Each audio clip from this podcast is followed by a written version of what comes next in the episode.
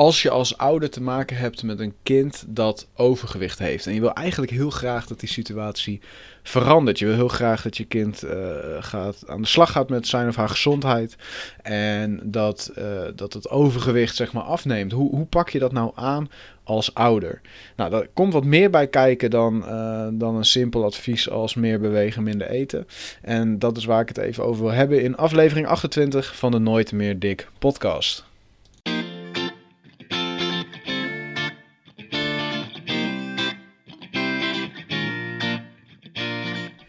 Welkom bij de Nooit meer dik podcast.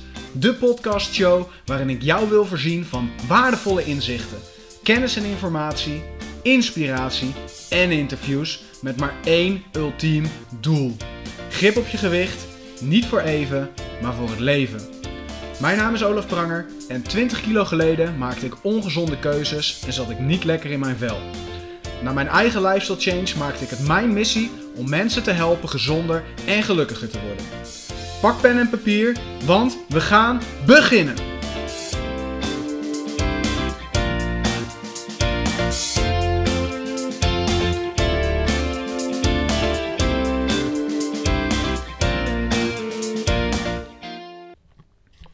Maar voordat ik uh, dieper inga op het onderwerp van deze podcastaflevering, wil ik je heel graag laten weten dat mijn boek gaat uitkomen. Mijn boek Nooit meer dik komt uit op 8 januari 2020.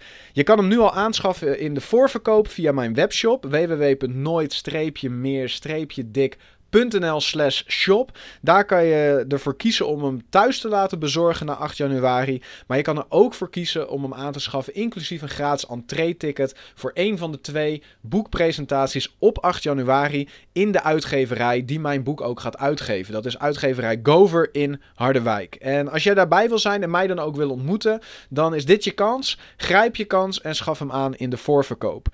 Daarnaast wil ik je meteen even vragen om mij ook te helpen. Zoals je weet, als je mij volgt, heb ik een missie. Ik wil mensen helpen om gezonder en gelukkiger te worden. Uh, onder andere door hun strijd met de kilo's te winnen. Dat is ook de reden dat ik dit boek heb geschreven. En om zoveel mogelijk mensen te bereiken, heb ik zoveel mogelijk boekhandels nodig die uh, mijn boek gaan verkopen, die mijn boek gaan aanbieden en die ook mij gaan uitnodigen voor boekpresentaties. Dus als je nou in een dorp of een stad woont met een boekhandel, uh, dan wil ik je vragen om of je erover na zou willen denken of je brutaal genoeg zou willen zijn voor mij om eens naar die boekhandel toe te gaan. En eens te vragen aan de eigenaar of ze misschien mijn boek ook zouden willen opnemen in hun assortiment. En of ze misschien mij zouden willen uitnodigen voor een boekpresentatie. Ik heb volgend jaar in ieder geval een dagdeel per week, dus 52 dagdelen in het hele jaar gereserveerd voor boekpresentaties. En misschien gaat één van die boekpresentaties wel bij jou in de buurt plaatsvinden. Dus al eh, alvast enorm bedankt voor je hulp als je uh, dat ziet zitten. En anders hoop ik in ieder geval dat je mijn boek uh, aanschaft en dat we elkaar op 8 januari misschien wel gaan ontmoeten in Harderwijk. Heel veel plezier met het onderwerp van deze podcastaflevering steeds meer kinderen uh, hebben te maken met overgewicht. Dat is wat de statistieken ons vertellen, wat de cijfers ons, ons vertellen. En ergens is dat niet zo heel erg vreemd als je kijkt naar de gemiddelde vrije tijdsbesteding uh, van kinderen. Hè, er, wordt, er wordt veel op de telefoon uh, gekloot, zo zou je het kunnen noemen. Er wordt, worden ontzettend veel spelletjes gespeeld. er gebeurt gewoon heel veel zittend in, in inactiviteit. Terwijl ons, ons lijf is een bewegingsapparaat, dus die zou veel in beweging moeten zijn. En daarna daarnaast is het ook steeds normaler om, om regelmatig fastfood te eten. Om uh, tussendoortjes te eten waar veel suiker in zit en veel vet en, en veel calorieën. Dus aan de ene kant heb je zeg maar een, een, eigenlijk een soort overconsumptie aan ongezonde, hoog in calorieproducten. En aan de andere kant heb je te maken met kinderen die steeds minder gaan bewegen. Dus op, op, op dat level zou je kunnen zeggen dat minder beweging en meer eten, of in ieder geval ongezonde eten, een grote rol speelt in, in de reden dat steeds meer kinderen overgewicht ontwikkelen. Um, dat gezegd hebbende, uh, heel veel uh, uh, acties, heel veel campagnes, die zijn erop toegespitst om, men, om kinderen dus ja, eigenlijk aan te sporen om minder te gaan eten, of in ieder geval gezonder te gaan eten, en om tegelijkertijd ook meer te gaan bewegen. En toch blijkt dat niet helemaal de oplossing, want die campagnes worden al jarenlang gevoerd. Er is eh, ongelooflijk veel aandacht voor dit onderwerp. En toch uh, wordt het elk jaar slechter. Toch komen er elk jaar meer kinderen bij die uh, worstelen met overgewicht op eigenlijk al een hele jonge leeftijd. Dus, dus wat is dan wel de oplossing? Wat kan jij als ouder doen om je kind te helpen een gezond gewicht te ontwikkelen. En, en misschien ook wel echt een gezonde leefstijl te ontwikkelen. Nou, dat is, dat is waar ik wat dieper op in wil gaan. Um, ik ga het wel kort, maar krachtig proberen te houden voor zover ik daartoe in staat ben. Dat is niet mijn sterkste kant. Alleen ik ga het wel proberen omdat ik hoop dat ik je gewoon een paar praktische tools kan geven.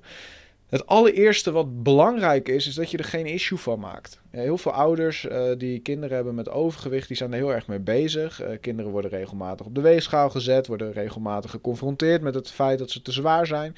En daar gaat heel veel aandacht en energie naartoe. Terwijl uh, dat, dat zeg maar zo'n kind alleen maar meer in de weerstand helpt.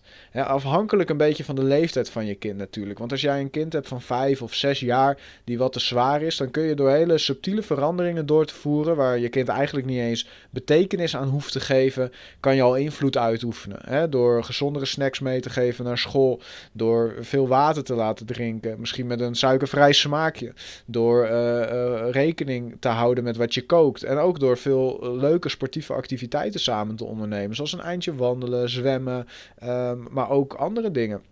Dus eigenlijk gewoon heel op een hele subtiele manier kan je gewoon veranderingen doorvoeren in het leefstijl van het gezin. Uh, die uiteindelijk heel veel invloed hebben op, op de gezondheid van, van je kind. Dus in zoverre, als je een, een kind hebt van 5, 6, 7 jaar, daar heb je nog vrij veel invloed op. Je hebt echt wel wat te vertellen. Zo'n kind is nog niet zelfstandig genoeg om, uh, om zelf snoep te gaan uh, kopen bij de supermarkt of iets dergelijks. Dus, dus op dat moment kan jij als ouder best wel een aantal simpele, oppervlakkige beslissingen nemen om je kind te helpen aan een gezondere leefstijl en daarmee vaak ook een gezonder gewicht. Wanneer wordt het lastiger? Nou, op het moment dat je kind een jaar of 10, 11, 12 wordt, hè, een beetje die puberteit inkomt. En jij als ouder heel erg gemotiveerd bent voor je kind om dat gewicht eraf te jassen. Maar je kind eigenlijk er weinig waarde aan hecht. Of er in ieder geval niet aan toe lijkt te zijn. Dan uh, krijg je te maken met een, een hele andere situatie. Waarin je ook echt een andere strategie moet hanteren. En, en nou, er zijn drie, vier dingen die ik je daarin wil meegeven. Om te beginnen uh, creëer ontspanning rondom, rondom het onderwerp. Maak het eigenlijk niet eens een onderwerp. Het komt goed. Je kind, net zo goed als jij, net zo goed als iedereen, uh, komt op een bepaald moment op een punt dat ze eraan toe zijn om die stap te zetten en om zich te ontwikkelen. En op het moment dat jij er altijd een strijd van maakt, dan komen ze steeds meer in de weerstand. Dan krijgen ze een hekel aan het, misschien wel het idee zelfs van sporten, gezond eten, eh, et cetera.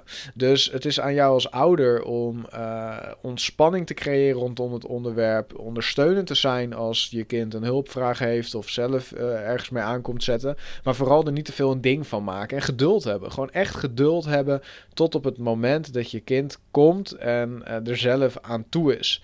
Uh, dat gezegd hebbende, um, het is heel belangrijk dat je als ouder het goede voorbeeld geeft. Er is niks zo um, demotiverend voor een kind. Of, of in ieder geval, ja, je bent, je bent eigenlijk een soort huigelaar. Als je zegt, oh, je moet minder snoepen en we gaan nu op de lijn letten, want je bent te dik.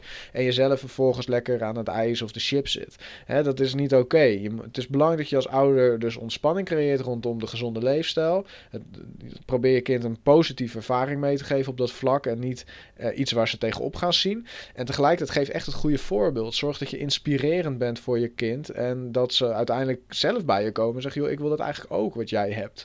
Dus dat is heel belangrijk. Uh, creëer uh, plezier rondom het onderwerp. Hè? Je, uh, je kan wel zeggen, nou, je mag niet meer dit, je mag niet meer dat. Maar het is eigenlijk veel beter als je als ouder in, in, ontspanning plezier maakt rondom het onderwerp met je kind. Dus het is geen, geen, geen issue binnen jou en binnen je relatie met je, tussen jou en je kind. Maar het is een, een, een eigenlijk als het ware een, een pleziermoment. neem de tijd om samen rustig een gezonde maaltijd te koken. En dan ook even lekker bij te kletsen over de dag. Neem de tijd om samen naar een trampolinepark te gaan. Of whatever, weet je. Gewoon doe leuke dingen rondom sport, rondom beweging, rondom koken. En doe dat samen. En, en dan hoef je ook niet vanuit je volwassenheid uit te leggen wat je bedoeling daarmee is. Je gaat gewoon plezier maken samen. Je gaat quality time doorbrengen met je kind. Nou, en dat doe je in een gezonde Op die manier creëer je bij je kind uh, neuro, positieve neuroassociaties uh, rondom het hele onderwerp gezonde leefstijl. Waardoor ze op het moment dat ze eraan toe zijn, veel minder een drempel zullen ervaren om jou daar, uh, daarbij om hulp te vragen. En waardoor ze ook uiteindelijk op latere leeftijd veel minder die weerstand voelen tegen het hele proces. En als laatste, uh, wat ik je zou willen meegeven, is dat het heel erg belangrijk is. Als jij wilt dat jouw kind jou begrijpt en jouw wens begrijpt, dat jij jouw kind ook begrijpt. En ik zie te veel ouders die eigenlijk onvoldoende interesse hebben in de interesses van hun kinderen.